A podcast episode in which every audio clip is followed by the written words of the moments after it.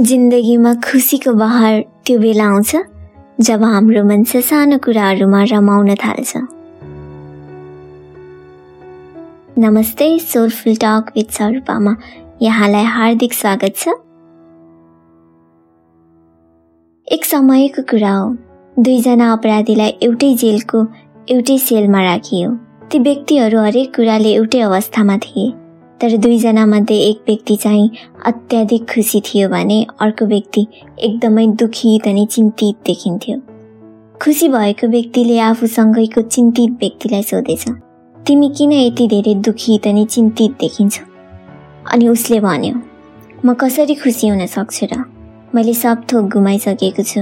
म अहिले जेलमा छु न म यहाँ स्वतन्त्र नै छु। पहिले म आफ्नो जिन्दगीमा मजासँग खुसी भएर बाँचेको थिएँ। त्यति बेला मसँग मैले भनेको सबै चिजहरू थिए तर अहिले म सम्पूर्ण हिसाबले रित्तो भइसकेँ। त्यसपछि त्यो दुखी भएको मानिसले खुसी भएको व्यक्तिलाई सोध्यो अनि तिमी किन यति धेरै खुसी देखिन्छौ? खुसी भइरहेको व्यक्तिले मुस्कुराउँदै भनेछ म पहिले अर्कै जेलमा थिएँ त्यहाँ हुँदा धेरै कुराहरूको समस्या थियो न त राम्रो खान पाइन्थ्यो न राम्ररी सुत्न पाइन्थ्यो। तर अहिले यहाँ आएको छु। यो जेल पहिलेको भन्दा हर कुराले राम्रो छ। धेरै अपराधीहरू यहाँ आउन खोज्थे तर म मात्र आउन पाएँ। म आफूलाई एकदमै भाग्यमानी सम्झन्छु र त्यसैले खुसी छु।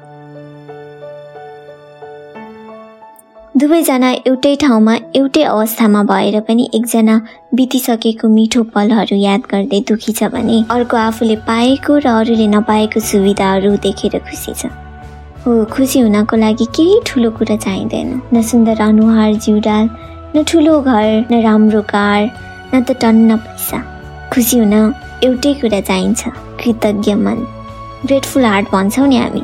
हो त्यही हामीले हेर्ने नै हो भने संसारमा हजारौँ लाखौँ मानिसहरू यस्तो अवस्थामा छन् कि उनीहरू हामीले जिएको जिन्दगी जिउन चाहन्छन्। कति मानिसहरू दुई टाइमको खाना पनि खान पाइरहेका हुँदैनन्। कति मानिसहरू हस्पिटलको बेडमा पीडाले छटपटाइरहेका हुन्छन्।